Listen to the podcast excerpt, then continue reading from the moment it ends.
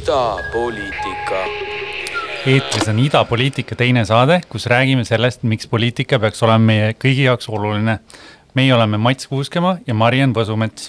tere pärast... ka, tere ka minu poolt ja pärast esimest saadet saime natuke ka mõelda, otsustasime seda, et püüame kohtukaasusi vältida ja meile tundus, et meil võis napikaks minna selle lõvikuninga äh, pedofiilia teemaga, midagi sellest küll ei juhtunud, aga me kohtukaasusi noh, väldime nagunii, see on elementaarne aga tänases saates me räägime vasakpoolsete väljakutsetest ja küsime, kas äh, noored liberaalid on äkki liiga pealiskaudsed, selline teema tundus meile huvipakkuvat.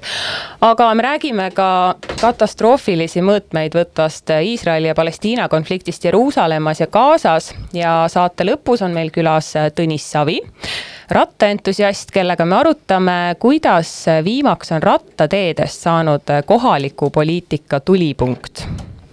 Mats, kuidas sul läinud on vahepeal?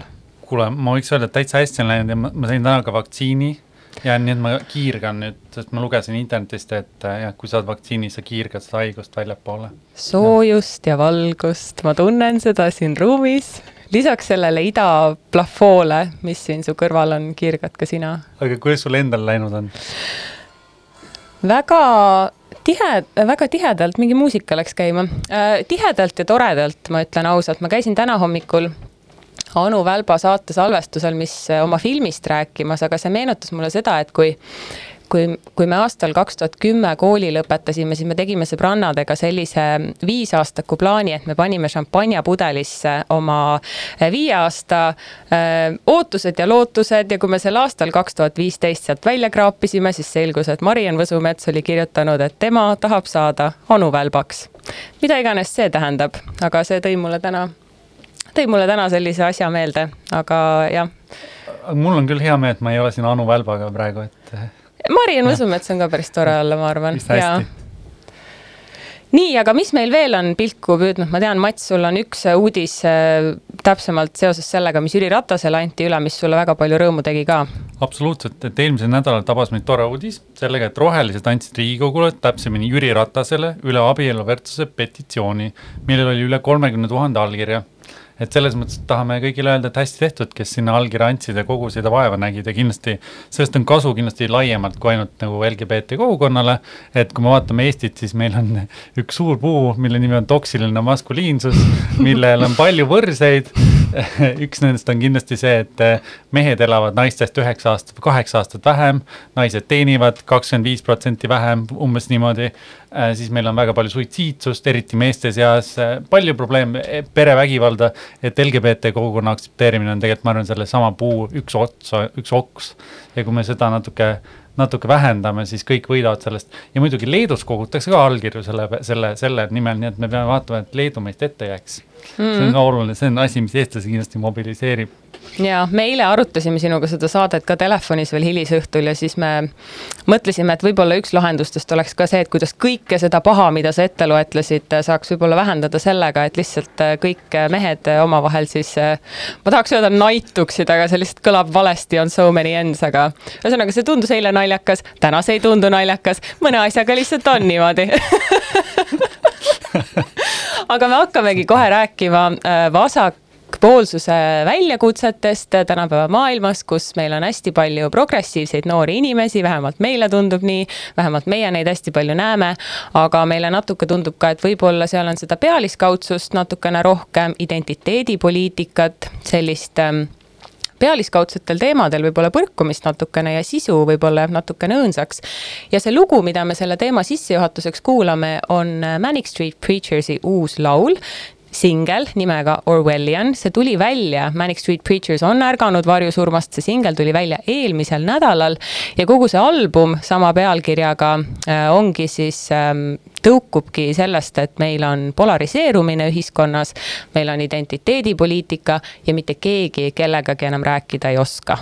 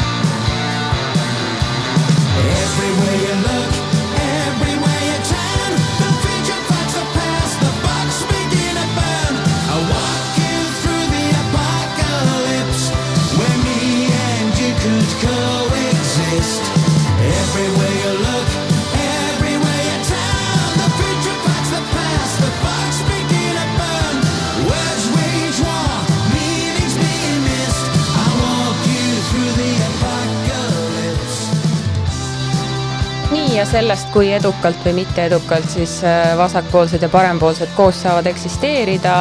Äh, see teema tõukub meil natukene ka sellest, et möödunud nädalal Suurbritannias olid kohalikud valimised, olid vahevalimised, kus leiboristid mõnevõrra mitteüllatavalt võtsid vastu siis taaskord katastroofilise kaotuse eelkõige Kesk-Inglismaal ja Põhja-Inglismaal, mis siis Eesti mõistes, kui see siia konteksti tuua, oleksid sellised äärealad, kus traditsiooniliselt oleks see valik läinud siis äh, tsentristliku poliitika või vasakpoolse poliitika või tööliste eest seisva poliitika kasuks, aga nende uus juht, Keir Starmer, on mõnelt poolt kirjeldatud kui äh, visioonitu juht ja tema arvele pannakse siis ähm, väga palju seda, miks leiboristidel ja vasakpoolsetel Suurbritannias hästi ei lähe juba, juba, juba viimased mitu aastat.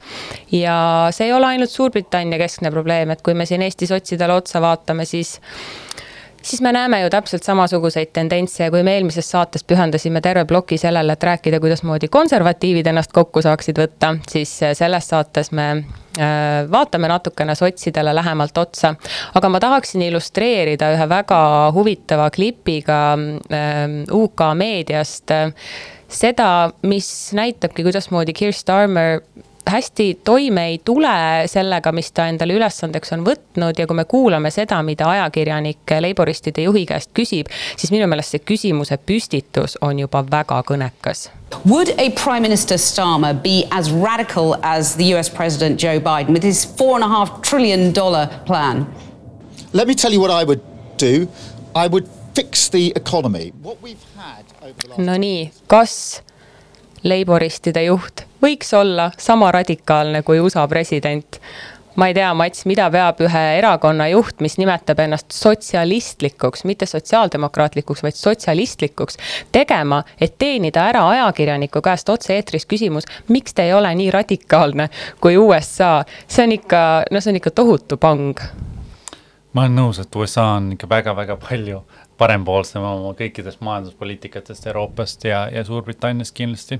aga ma arvan, et suurem pilt ongi see, et, et parem- ja vasakparteid igal pool, aga Euroopas kindlasti on tulnud teineteisele palju-palju lähemale ja samamoodi on tekkinud ka nii-öelda kolmas poolus poliitikas, mis on siis populistid. ja populistid on võtnud ära nii-öelda hääli mõlemalt poolt, aga nad ikkagi kuuluvad rohkem oma parempoolsusse oma, oma, oma majanduspoliitikatega, aga samas me näeme seda, et mõned, mõned riigid, mõned ühiskonnad, kus on kus on võib-olla see vaesuse, rikkuse vahe ei ole niivõrd niivõrd suurelt kasvanud, näiteks Skandinaavia riikides, et siis vasakerakonnad jätkuvalt on päris tugevad ja nad on jätkuvalt vähemasti olemas, nad pole nagu ära kadunud mm. -hmm.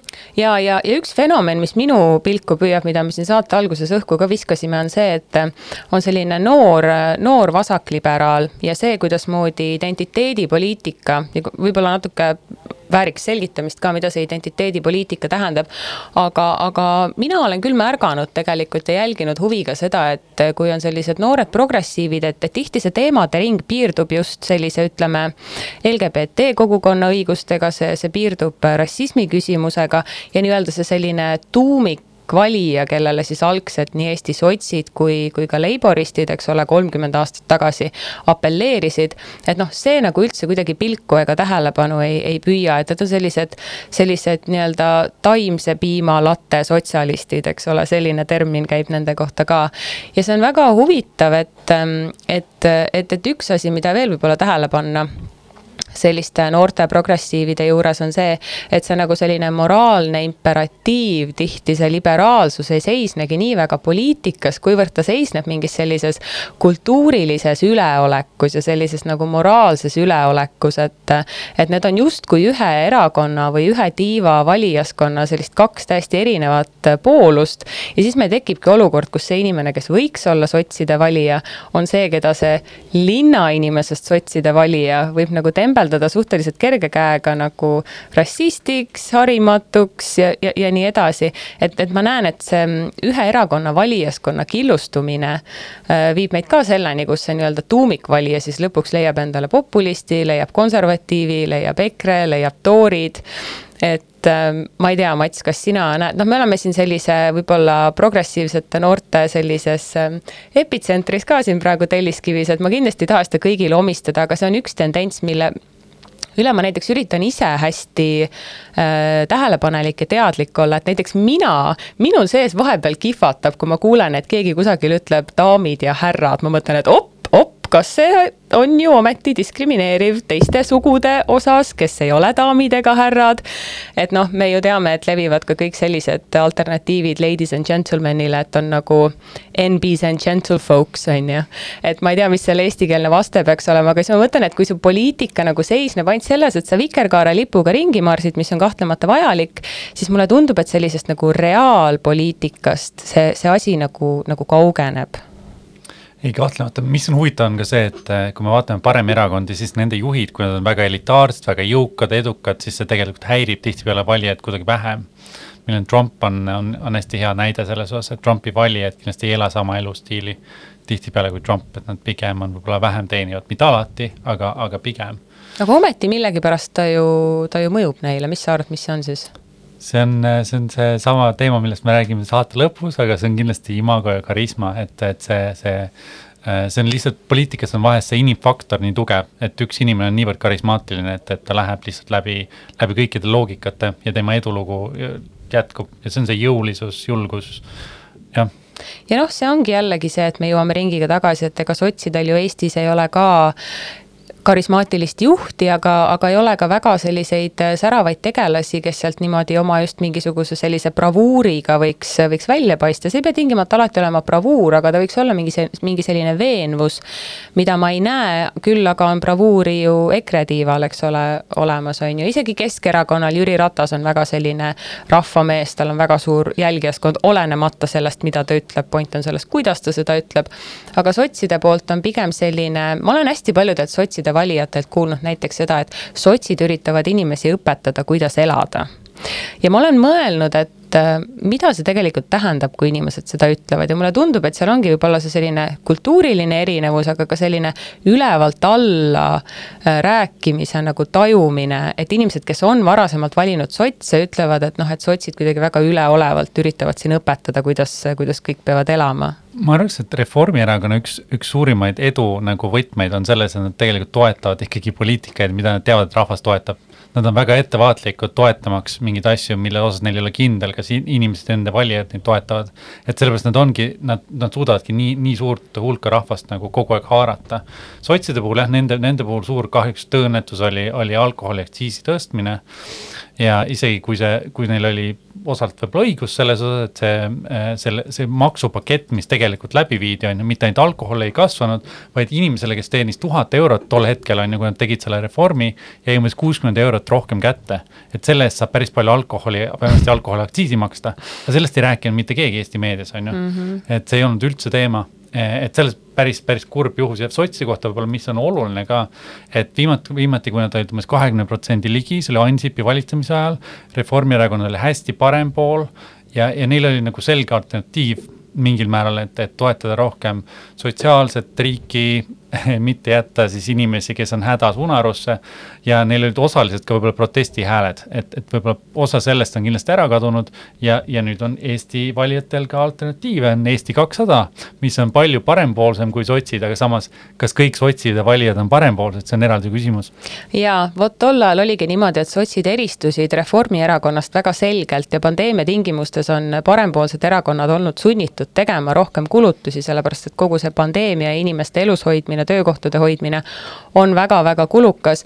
ja sellest, kuidas Reformierakond on olnud sunnitud rohkem kulutama, äh, kõneleb väga elavalt see, mida küsis äh, Mart Helme rahandusminister Keit Pentus-Rosimannuse käest Riigikogus, kui ta käis Riigikogule siis kaitsmas äh, Euroopa taasteraha paketti, mis tähendab seda, et siis Eesti peaks võtma Euroopa Liiduga koos, olles Euroopa Liidu sees, võtma laenu ja Mart Helme siis esitas Pentus-Rosimannusele sellise küsimuse küsimuse. kui ma nüüd kuulan seda, kuidas te räägite, kuidas raha tuleb laiali jagada ja Reformierakond on see raha jagaja, et kus on teie liberaalsus, kus on teie ettevõtlus niisugune meelsus? Või olete te vahepeal in corpore läinud üle oma eksesimeeste kunagisse parteisse ehk komparteisse, aitäh jah, me saame siinkohal ikkagi luge-, kuulajaid rahustada, et Keit Pentus-Rosimannus kindlasti komparteisse ei ole saanud kuulada juba sellepärast, et ta on liiga noor. aga küll aga me lugesime Postimehe faktikontrolli ja saime teada, et Mart Helme puhul oli tegu kommunistliku manifesti eestikeelse variandi toimetajaga jaa, aga noh, ma arvan, et see küsimuse püstitus Helme poolt, kes ju kahtlemata mm, kasutab kõiki selliseid olukordi ära, et lihtsalt väga mahlakalt äh, mõjuda, siis noh, siis see, see, see viitas otseselt sellele, et Reformierakond lihtsalt ei ole ajalooliselt tuntud kui kulutaja, nad ei ole tuntud kui laenuvõtja ja noh, muidugi ta pidi seda küsima see lihtsalt ilmestabki seda, et kui sul parempoolsed erakonnad tulevad sinu mänguväljakule, sotside mänguväljakule siis ajalooliselt, on ju, ja, ja hakkavad ise tegema neid kulutusi, haiguspäevi hüvitama ja nii edasi, mis pandeemia tingimustes on vältimatu ja vajalik, siis, siis mis sotsidele jääb? Ja see, mis sotsidel on puudu, on see suur visioon, neil on puudu oma selline utoopia, mida nii-öelda valijatele müüa, me teame küll, et nende kohalike valimiste slogan saab olema rohkem ruumi kõigile, rohkem ruumi uutele nägudele, mis minu meelest on väga hea slogan, ta on universaalne, seda saab täita igatepidi. Äh, see räägib linnaruumist, see räägib avalikust ruumist, aga see räägib ka sellest, et teeme rohkem ruumi noortele inimestele ja, ja, ja mis on positiivse poole pealt, on see, et tegelikult vähemalt Tallinna sotsid väga aktiivselt värbavad ähm, Äh, nooremapoolseid inimesi, värbavad kultuuriinimesi kohalike valimiste eel ja värbavad ka naisi ja seda on väga tore vaadata ja, ja, ja ma, ja ma väga tahaks näha, et, et see kandepind ühel hetkel, ta lihtsalt peab hakkama resoneeruma puhtalt lihtsalt äh, uue põlvkonna nii-öelda valimisikka äh, saabumisega kindlasti, kindlasti ja ma arvan, et see suur küsimus on võib-olla see, et kui ebavõrdseks muutub Eesti kümne, kahekümne, viiekümne aasta pärast, kui me jätkame umbes samade majanduspoliitikatega. just siin on see, see on koht, kus sotsil peaks olema vastuseid, on ju. võib-olla meil on ka äh, majanduspoliitikaid, mida, mida sotsid võiks nagu paremini, paremini esile tõsta oma mõtteid, näiteks startup'i maailmas, kuidas Eesti saab jätkuvalt olla edukas, kuidas väikelinnad võiksid, võiksid olla elavamad selles valdkonnas. samamoodi maksude nii-öelda endgame on ju, me võiks teada, on ju, mida, mida, milliseid makse me tegelikult saaksime, kui meil oleks sotside valitsus näiteks kümme, kakskümmend aastat, oleksin pidevalt võib-olla juhtivas positsioonis. me, me ei tea seda, on ju, et Eesti, Eesti valijad ei ole väga parempoolsed, aga võib-olla mingeid makse oleks inimesed nõus, nõus tõstma, kui nad teavad, mis nad selle eest vastu saavad. jah, sotsid on ettevaatlikult hakanud push ima ka seda neljapäevast töönädalat mida nad võiks push ida ja nad võiksid push ida ka kodanikupalka. olgugi, et see on noh, selline pigem selline fantaasiavaldkonda kalduv asi, arvestades Eesti rahalist võimekust. aga siiski neil on vaja seda sõnumit, neil on vaja oma seda helget homset, mida valijatele müüa. sest praegu nad võib-olla tõesti käivad, viibutavad näpuga natukene liiga palju ja, ja no nende juhtide seas on ju, on ju ka pigem ikkagi sellised noh, sellised linna, haritud linnainimesed, kes võib-olla ei ole noh kes ei kõneta esiteks võib-olla seda valijat, kes tal on varem olnud, on ju, ja kes mõjuvad niimoodi kuidagi nagu kaugena jah, sotside häda on ka see, et nad on olnud väike partner paljudes koalitsioonides ja võib-olla inimesed ei tea ka, mis on need poliitikad, mida nemad on ellu viinud. et mm, -hmm. et mhm. siin on ka, peaks valijat rohkem harima. ja noh, ja Eestis, Eesti kontekstis muidugi on see, et nii kui sa julged sotsiaaldemokraatiat mainida, siis on inimestel nagu kommunismi seier tõuseb kohe punasesse ja siis on noh, sellega see debatt nagu lõpebki aga järgmise teema sissejuhatuseks ka me mm, hakkame rääkima väga katastroofilisi mõõtmeid võtvast Iisraeli ja Gaza kokkupõrkest ja Iisraeli ja siis Ida-Jeruusalemma kokkupõrkest. ja praegu, ma loodan, et ma nüüd Ida raadiost bänni ei saa, kui ma ütlen välja sihukese sõna nagu Eurovisioon, aga praegu on käimas Eurovisioon, kaks aastat tagasi samal ajal toimus Eurovisioon Iisraelis. samal ajal Iisrael pommitas Gazat, äh, kõik äh, oli nagu in, in full swing selles mõttes. ja, ja kõige poliitilisem eurolaul läbi aegade on siis Islandilt aastal kaks tuhat üheksateist, kes võttis siis otse-eetris finaalis välja nii Iisraeli otse-eetris kui ka kogu maailma otse-eetris Palestiina lipu ja nende laul, mis kannab islandi keeles pealkirja Vihkamine võidab, räägibki sõna otseses mõttes sellest, mida pealkiri ütleb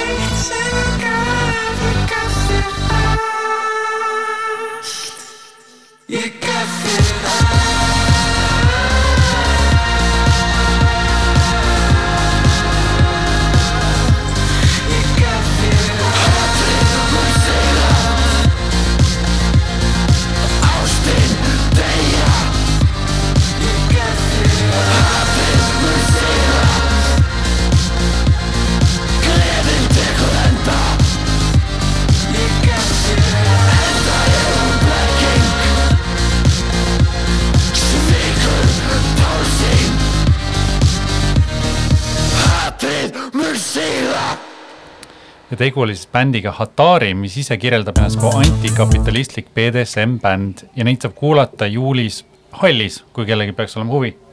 aga naastes Iisraeli-Palestiina konflikti juurde, siis äh, see taas lahvatas maikuus pärast seda, kui Palestiina perekondi püüti siis välja tõsta nende Ida-Jeruusalemmas olevatest kodudest. ja sellele järgnesid raketirünnakud Iisraeli linnade territooriumide suunas, peamiselt Gazast mis on siis erinevalt ülejäänud ähm, Palestiina territooriumist ehk siis idakaldast täielikult palestiinlaste kontrolli all. ja laialdased õhurünnakud Iisraeli poolt äh, siis äh, olid selleks vastuseks äh, ning lisaks näiteks pommitati ka hoonet, kus asusid päris paljude meediaväljaannete peakorterid, aga Iisraeli sõnum ka terroristid. aga nüüd me kuulame väikest vahepala.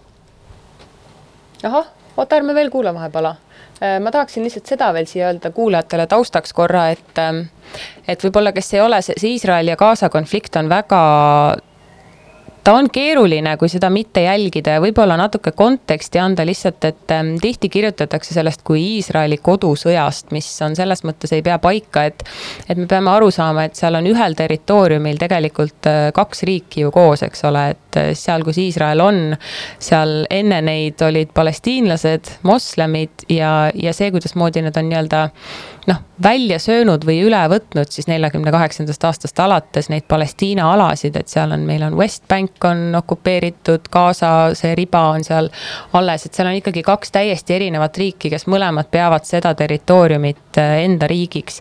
et see on see, milles see asja, asja tuum seal seisneb.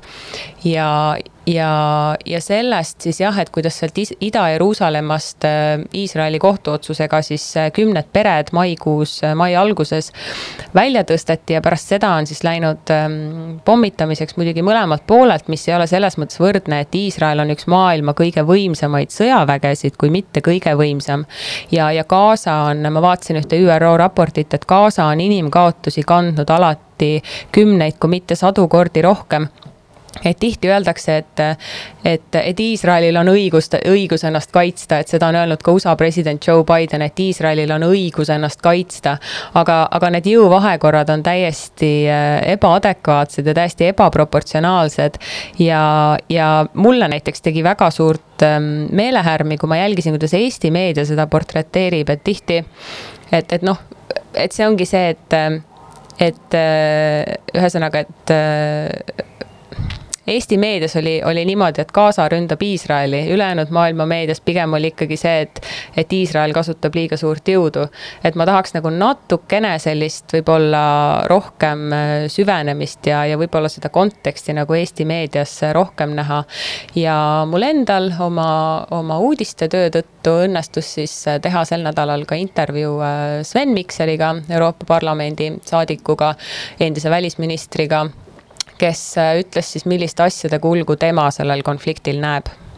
Gaza siis terroristid, Hamasi rühmitus kindlasti on seda olukorda omalt poolt kasutanud selleks, et siis reageerida raketirünnakutega Iisraeli linnadele, nii et väga palju faktoreid on kokku sattunud ja ja tulemus on ülimalt plahvatusohtlik ja noh, keeruliseks kindlasti teeb asja ka see, et väga raske on eh, kummalgi poolel eh, nii-öelda poliitiliselt just nimelt otsida sellist deeskalatsiooni, et pigemini on poliitiline surve eh, mõlemal pool seda konflikti jätkata ja isegi eskaleerida ma ütleks siia võib-olla lisaks, et päris palju on ka fake news'i lugusid mõlemal, mõlemal poolel siis eriti läbi sotsiaalmeedia, meediakanalite.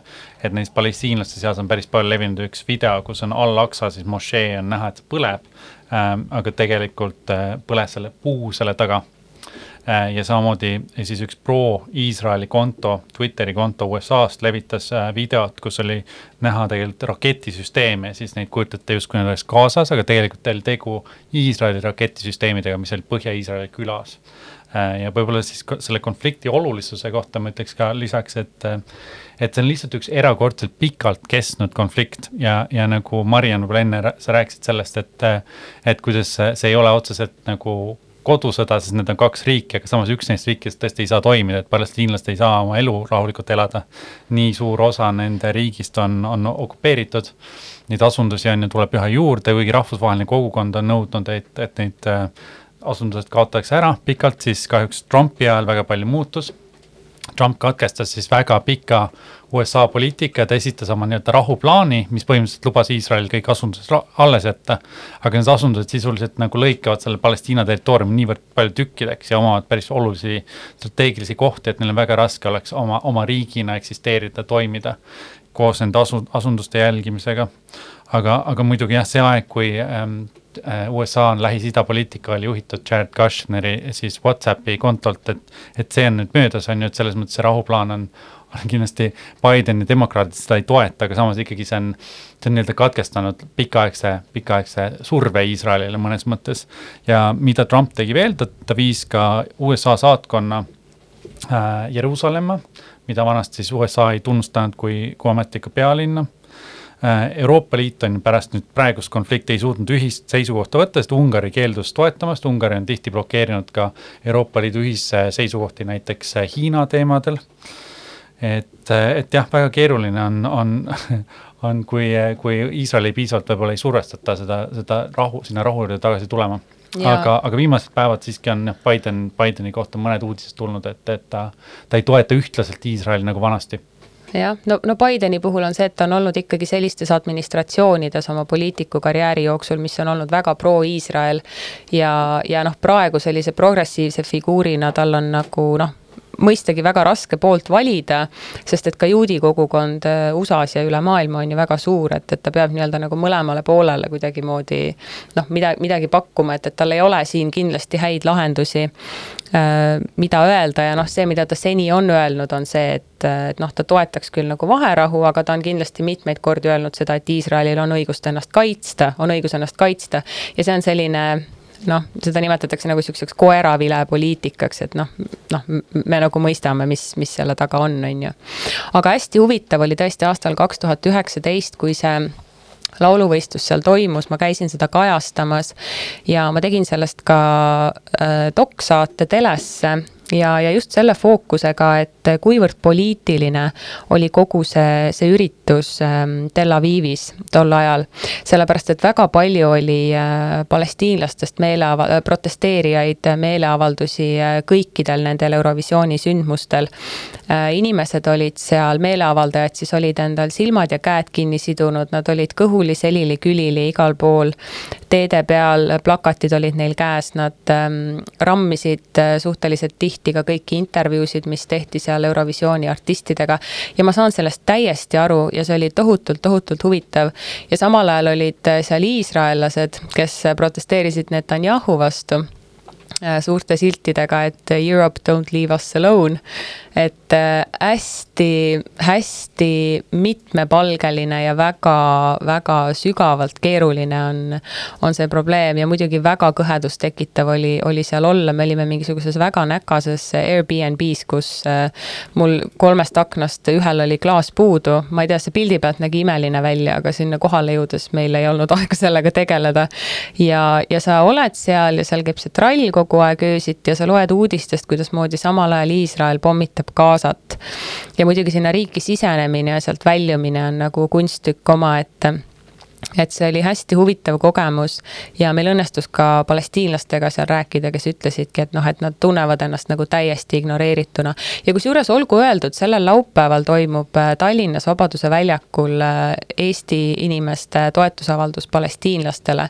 et kes tunneb, et ta sellega tahaks ühineda või oma meelt avaldada, siis kõigepealt soovitan ennast muidugi kurssi viia, mis seal riigis täpsemalt toimub ja kui südametunnistus valib poole, siis äh, Palestiina toetuseks äh, toimub see meeleavaldus, aga Mats, ma tean, me eile rääkisime sellest ka, et väga libe jää on see, et, et kuidasmoodi mitte saada antisemiidi silti külge Iisraeli sellist riiklikku tegevust ähm, kritiseerides, et see on ka selline nagu, nagu väga libe jää, et noh, et juutidel on noh, see, see on see kaart tagataskus, mis on ka nagu nende väga tundlik ajalugu, aga et lihtsalt Iisraeli sellist pommitamist kritiseerides on, äh, peab olema ettevaatlik, et mitte minna nagu väga, väga juudivastaseks ja ma arvan, et Iisraeli riigi ajalugu on ka väga keeruline, et, et mõelgem riike, millele tulevad põhimõtteliselt kõik need naaberriigid korraga kallale, on ju, soovides seda riiki, riiki likvideerida, et selles mõttes nende soov ennast kaitsta pikaajaliselt on siis tekitanud sellise superkaitsereflektsiooni, mis mm, -hmm. mis praegu ennast äh, väljendab.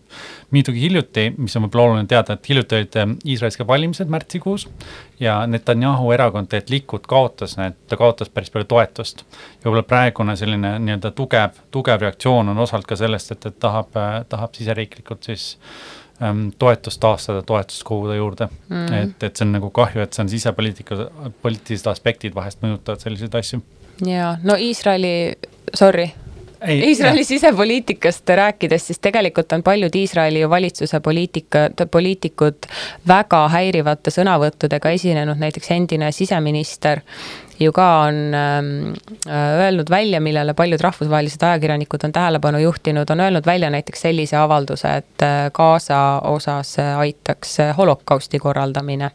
ja kusjuures üleeile BBC otse-eetris üks Guardiani ajakirjanik juhtis ka sellele ja paljudele teistele sõnavõttudele äh, tähelepanu, kui ta esines väga jõulise, aga väga suurt poolehoidu võitnud ähm, etteastega, kus siis ta annab enda äh, vaate sellest, äh, mis siis täpsemalt seal toimub.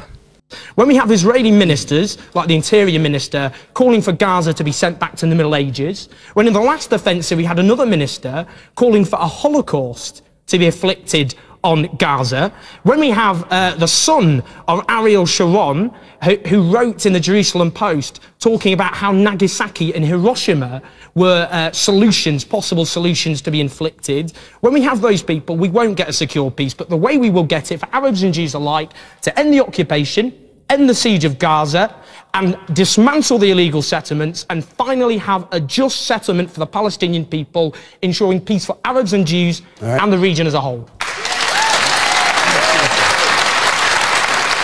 No Owen Jonesi välja pakutud lahendus sellest, et äh, okupatsioon lihtsalt lõpetada ja need alad palestiinlastele tagasi anda ja mingid alad juutidele jätta, on küll selline liig optimistlik äh, lahendus, et noh, seda lihtsalt ma noh, ma arvan, mitte keegi ei näe juhtumas, aga muidugi see, millele ta tähelepanu juhtis, kuidasmoodi Iisraeli poliitikud ja Iisraeli juhtivad riigitegelased ja nende lapsed, kes on siis samamoodi ava, avaliku elu tegelased, on, äh, on noh nimetanud, et Gazale võiks lahendus olla siis äh, eks ole, Hiroshima korraldamine, et, et noh, millest me räägime. kas selliste sõnavõttude pinnalt me saame üldse ennustada mingisugustki vaherahu, mingisugustki äh, kokkuleppimist, rääkimata selle konflikti lahenemisest, et see lihtsalt ilmestab, kui polariseerunud ja kui mürgised mõlemad pooled teineteise suhtes on jah, see on selge igatahes, et rahvusvaheline surve peab jätkuma ja võib-olla USA-s, mis on suur muutus, ongi see, et, et demokraadid on, on, neil on päris palju ikkagi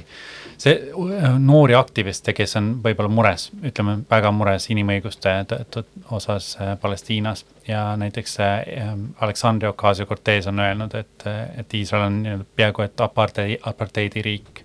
no Iisrael on päris kindlasti küm, aparteidiriik, jaa. kümne, kümme aastat tagasi sellist asja ei oleks osanud ette kujutada, et mm -hmm. USA võib-olla poliitikat muudab, aga samas, mis on oluline, on see, et Iisrael on palju-palju tugevdanud oma suhteid Lähis-Ida riikidega, Araabia riikidega, normaliseeritud on suhted Araabia Ühendemiraatidega ja ka Saudidega saadakse tegelikult päris hästi läbi, sest neil on üks ühine mittesõber, kelle nimi on Iraan ja, ja võib-olla just need riigid on ka põhjus, miks, miks Iisrael ei, ei lähe võib-olla lõpuni välja, et ta ei hakka Gazat uuesti okupeerima et, et ma tahaks loota vähemasti. no diplomaatilisest plaanist, Mats, mis sa arvad, mis saab, ÜRO koguneb, USA ütleb midagi, mis, mis, on siin mingisugust, kuidasmoodi selliseid äh, väga polariseerunud asju lahendatakse? ei no see on selge, et viimastel päevadel on, on ikkagi Bideni administratsioon oma survet tugevdanud Iisraelile ja mingi hetk siis deeskaleeritakse vaikselt, aga, aga väga palju diplomaatia toimub tõesti uks, uste taga. ja võib-olla mitte just ÜRO-s, kus tavaliselt USA ei saa lubada Iisraeli, täiesti Iisraeli vastaseid nii-öelda resolutsioone, ta ei ole, väga harva on läinud nendega kaasa, aga ma arvan, et just see kahepoolsetes suhetes ja nii-öelda kinniste, kinniste uste taga lahendatakse need teemad ära mm. -hmm. ja, ja noh, üks asi on see, mis toimub võimukoridorides, aga, aga teine asi on ikkagi see, ikkagi see reaalsus, et iga kord, kui ma loen neid uudiseid, ma mõtlen nende Palestiina inimeste peale. Äh, kahtlemata ka juudi inimeste peale, kes kannavad samamoodi kaotusi ja lapsed, kes kannavad kaotusi. aga ikkagi noh, ma mäletan neid intervjuusid nende palestiinlastega, et noh Iisrael keerab sul nädalaks ajaks vee kinni, keerab elektri kinni, sest et mingisugused võrgustikud ja infra on lihtsalt nende käes. ja, ja noh, mõelda nagu nende inimeste argireaalsuse peale on, on, ma arvan, nagu see, mis mis on kõige kurvem selle kõige juures, et muidugi seal riigijuhid äh, räägivad ühel ja teisel pool asju, raketid lendavad, aga noh, ikkagi need noh, nagu see tsiviilkaotused ja kõik see, et noh uskumatu, et sellised asjad ikkagi aastal kaks tuhat kakskümmend üks veel, veel toimuvad. selge on see, et rahvusvaheline kogukond ei saa sinna sisse öelda ja öelda, sisse sõita ja öelda, et lõpetada, lõpetage nüüd need asjad ära. aga, aga lihtsalt jah väga,, väga-väga mõtlemapanev ja olgugi, et meist kaugel, siis siiski väärib ta tähelepanu, ma usun. aga me lõpetame selle saate viimase ploki helgema teemaga. Mats, ütle, millest me hakkame varsti rääkima? Varsti, kohe. me hakkame rääkima rattateedest varsti ja me kuulame selle rattateede jutu eel ühte mõnusat lugu, mille taustal on tore rattaga kruiisida, kui vihma ei saja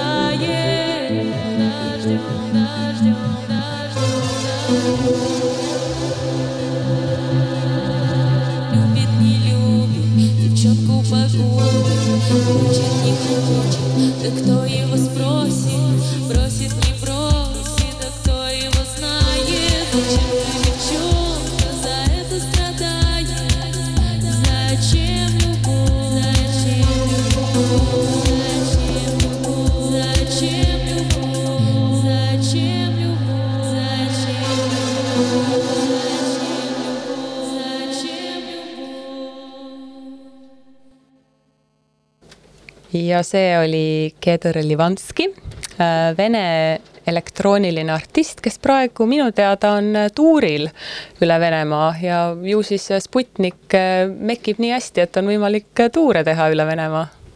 super uudis, loodame, et lähme ka tuurile varsti äh, kui Sputnik mekib, aga viimase teemana räägime täna ka Tallinnast ja rattateedest. Tallinna linn on saanud päris palju kriitikat läbi aastate siis seoses rattateede vähesusega ja pühapäeval sattus kahekümne kolme aastane noormees haiglasse seoses ebaloogilise rattatee lahendusega Endla ja Tehnika tänava ristmikul. et põhimõtteliselt rattateel läks üle nurgakivi sisuliselt siis, kes ei ole seda pilti näinud. ja sellega seoses oleme täna äh, saatesse kutsunud ühinema meiega Tõnis Savi, ühe Tallinn Bicycle'i Weeki asutajatest, kes on ühtlasi ka arhitekt ning osalenud ka Tallinna rattastrateegia kirjutamisel. tere tulemast, Tõnis! tere, tere! meil on ühendus läbi Zoomi. ime ja rõõm. äkki alustaks sellest, et see konkreet, konkreetne õnnetus, et äh, kas ka see õnnetus äh, natuke hüüdis tulles või kuidas sinu tunne on? noh, jah, selles mõttes hüüdis tulles, et samast kohast oli circa nädalapäevad varem ka uudisnupp, et, et on selline õnnetu koht Tallinna linnas olemas äh,. analoogseid kohti on linnas veel, neid on kunagi erinevatel hetkedel ka nagu esitletud linnale ja välja toodud neid nii nagu avalikult kui ka nagu olen isiklikult olnud härra Harjo ja Rüütelmaa ja vist Uudo Ots oli, ei mäleta, kes see kolmas oli Transpordiametist, ühesõnaga Transpordiameti juhtivametnikega koos laua ääres ja neile näidanud neid kohti, et kus kohas ähm,, kus kohas on niimoodi, et sa nagu märgistus näitab, et siit saad minna ja siis järsku saab see kõik otsa või saab sinuga ja sa pead hakkama tegelema mingisuguse mm, äkkotsuste ja nagu ümber, ümber äh, äh,. ei võetud väga tõsiselt seda äh,. selles mõttes on nagu hästi, et justkui tundub, et näed, nüüd, nüüd on üks õnnetus. Ja tegelikult tegime üleskutse, et me tahtsime teada saada, et kes inimene on, et saaks nagu äh, äkki selle õnnetuse asjaolusid täpsemalt teada saada ja saaks äh, saaks äkki kuidagi mingit äh, protsessi sellest algatada. ja siis tuli välja, et neid inimesi, kes kas ainuüksi sellesama koha peal on ennast puruks kukkunud, ei ole mitte üks ega kaks, vaid on nagu kolm-neli tükki vähemalt ja, ja neid teisi kohti veel linnas. et siin tuli sihuke neli-viis inimest ühe postituse peale nagu kes võtsid ühendust. Tõnis, sa oled nii, sa oled nii pikalt tegelenud selle teemaga ju tegelikult ja sa oled nende linnajuhtidega igasugustega suhelnud. ütle, mis su tunnetus on praegu, mis need väljavaated on ja kas sul on lootust, et see asi hakkab paranema, ma lugesin eile ERR-ist, et, ähm, et suveks tuleb miski, miski strateegia või mingisugused ajutised read või uued rattaread, ma ei saanudki täpselt äh, aru. et, et noh, kas need asjad jäävad või on need suvised lahendused, et on sul lootust, et siin asi ka nagu süsteemselt paraneb või tegeletakse meil ikkagi selliste mingisuguste sihukeste noh, pudi-padi lahendustega? Äh, jah, päris kaua on tegeletud, noh, ütleme kui niimoodi naljatades öelda, siis oleks, oleks iga aasta valimised, on ju. et, et küll siis saaks tehtud. Äh, see, mis siin nüüd selleks suveks on äh, planeeritud, noh, tegelikult planeeriti ka eelmine kevad äh, teha. ja sellest eelmise kevade lahendusest tehti ära nagu kõige õnnetum osa, ehk siis Estonia puiesteele, bussiradadele need ähm, lubati ratturid Balti jaama juurde Toompuiesteele märgiti küll juba eelmärgistusega maha normaalne lahendus, aga siis tegelikult äh, lõi kellelgi nagu süda haraks ja ei juletud ikkagi nagu muuta maailma. ma arvan, et see muudatus tuleb äh,, see muudatus ei tule ilmselt mitte tänu tänasele linnavalitsusele, vaid vaatamata tänasele linnavalitsusele, sest et äh, mida ma näinud olen kümne aasta jooksul, mis ma siin üle kümne aasta juba võib-olla isegi selle teemaga on tegeletud. et noh, kui kümme aastat tagasi oleks äh, teinud Tallinnast, hakanud tegema jalgrattalinna, siis me oleks olnud sihuke progressiivne äh, tulevikku vaatav linn. täna Tallinnast jalgrattalinna tegemine on möödapääsmatu, kui me tahame püsida sellises linnadevahelises konkurentsis mingilgi viisil alles. et ja muudatused on nagu võimalikud, et siin Pariisis näiteks, kus on päris jõuliselt muudetud linnakeskkonda viimastel aastatel. täna just jäi kuskilt uudisnupp silma, et äh, Covidi eelse ajaga võrreldes on rattakasutus tõusnud kuuskümmend seitse protsenti. Tallinnas või? ei, Pariisis. Paraku vabandust. Pariisis, paraku jaa. Pariisis, mitte Tallinnas. Tallinnas on, Tallinnas on ka see tõusnud kindlasti see äh, protsent omajagu, aga me ei tea seda, sest et ei tea, seda ratturite loendust ei ole tehtud.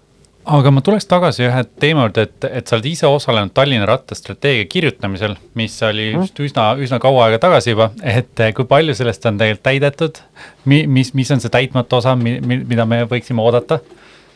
Äh, jah, see sai valmis vahetult enne eelmisi valimisi et äh, ja hakkas ta kehtima jah, kaks tuhat kaheksateist algusest, et noh, me tegelikult äh, võiks näha siin juba, ei see oli kaks tuhat, jah, kaks tuhat kaheksateist, et võiks nagu olla omajagu tehtud. väga lihtsalt öeldes on sealt tehtud ära kõige esimene tegevus, tegevusnimekirjast ehk on loodud rattakoordinaatori töökoht Äh, aga noh, paraku sa võid ju töökoha luua, kui sa talle volitusi ja eelarvet ei anna, ega siis nagu väga palju edasi sealt ei juhtu. Äh, kõik muu on selline, et jah, on mingeid üksikuid arenguid, mida võiks lugeda äh, seotuks Tallinna rattastrateegiaga. et kuskil mõni tänavalõik võib-olla isegi on õnnestunud ja mõni, mõne koha peal võib-olla isegi mõõdud on õnnestunud aga valdavalt on tehtud edasi terviseradu äh, ehk siis sihukest äh, rekreatiivset äh, infrat rattasõiduks. Ja tegelikult sellist nagu strateegiast lähtuvat sellist, mis on nagu prioriteetsed kohad, kus on kõige suurem potentsiaal mingitel investeeringutel, seda ei ole järgitud, ei ole järgitud juhendite koostamist Äh, projekteerijate ja ametnike koolitamist. Äh, noh, kommunikatsioonid ja muud jutud nagu rääkimata, et äh, noh, Tallinn lasi tegelikult kõige tugevama rattastrateegia teemalise projekti lasi põhja põhjusega, et see vastas selle projekti lähteülesandele, ehk siis me räägime peatänava projektist, on ju. et, et see oleks loonud tegelikult põhivõrgule, rattastrateegia järgsele põhivõrgule selle nullpunkti, mis on Viru, Viru ringi peale nagu määratletud kunagi koos linnaga. Tõnis, aga räägi ikkagi, mis see, mis see ideaal oleks, mis meil võiks olla, kuidasmoodi see rattaliiklus Tallinnas välja võiks näha, mul on mingisugune ähmane meenutuspilt sellest, kui ma kümme aastat tagasi Hollandis elasin, et seal asi lihtsalt toimis.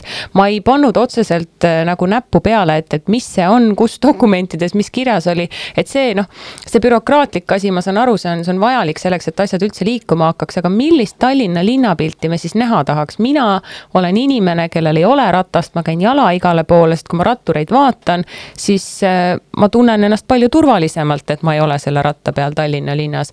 et mis see vaatepilt nagu on, mida me kõik võiks mida me kõik võiks tajuda äh, noh, nii-öelda linlastena, et me saaks öelda, et vot, meil on selline mõnus rattasõbralik linn no ma arvan, et rattasõbralik linn on nagu inimesesõbralik linn on ju ja, ja inimesesõbralik linn on selline, kus sa oled oma liikumisotsustes vaba. et, äh, et äh, me tegelikult nagu räägime sellest, et noh, kui me näiteks rattastrateegia järgselt võtame, siis me räägime seda, et meil on mingisugune võrgustik üle linna, mis on katkematud rattateed on ju, et mis on, sul on olemas nagu võimalus sõita rattaga näiteks äh, Tallinnas tehakse kuuskümmend, circa kuuskümmend protsenti sõitudest on alla viie kilomeetri pikkused, noh, neid võiks asendada rattaga väga suur osa inimestest.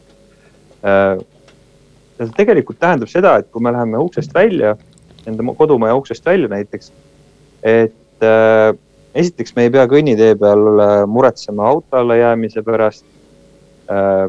me saame valida, kas me läheme jala, meil on jala meeldiv liikuda, meil on rattaga võimalik minna kuskile me saame autoga ligi sinna, kuhu vaja on.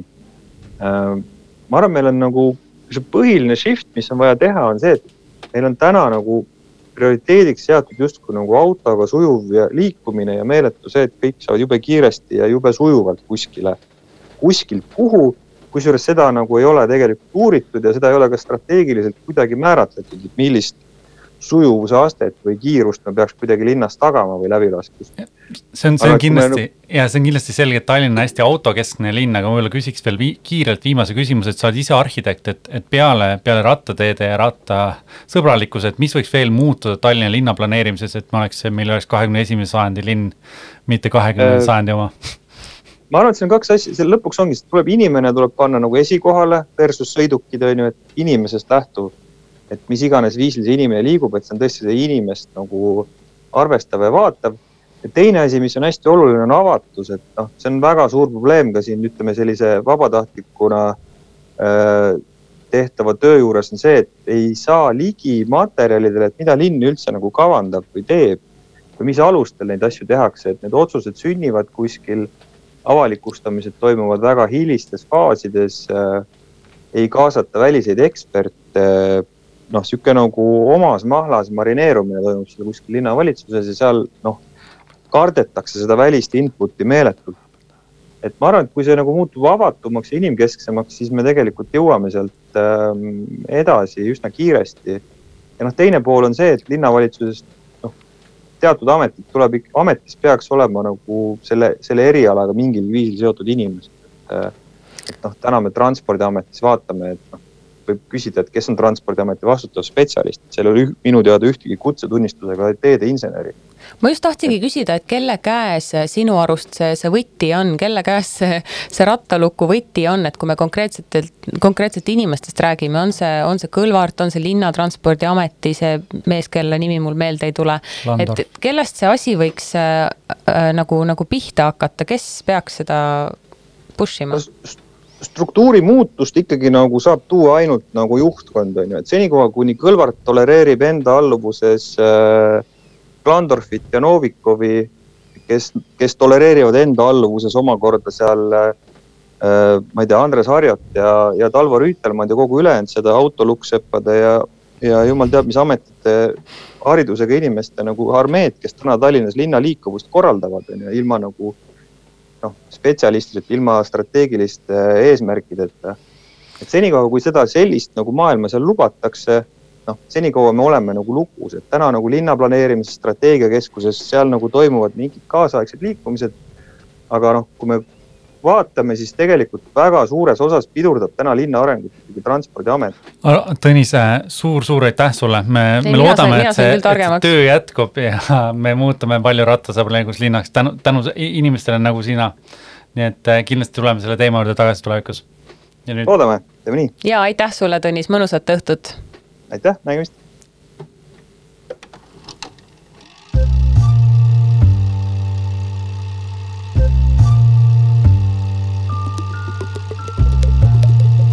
väikesed suured asjad. Ja meie saate lõpurubriik Väikesed suured asjad on see koht, kus ma küsin Matsi käest, et mida mõnusat on sinu silm haaranud sellel viimasel nädalal või kahel nädalal, mida sa tahaksid ka teistele soovitada? ma nägin muidu palju sõprade Facebookis palju pilte, kus oli hästi vihmane kole ilm nagu täna, siis laupäeval ja esmaspäeval oli ka natuke selline. aga mina põgenesin ära Lääne-Eestisse, kus päike paistis terve see aeg enamasti. Nii et äh, ma soovitan teistelegi põgeneda Tallinnast ära, sest Lääne-Eestist lähevad vahest tormid kiiremini üle. sa soovitad Haapsalut inimestele see- täpsemini? näiteks, näiteks. olgu öeldud see, et praegu sajab vihma ja kui ma vaatan oma selja taha, siis F-hoone terrassil on väga palju inimesi. see on huvitav.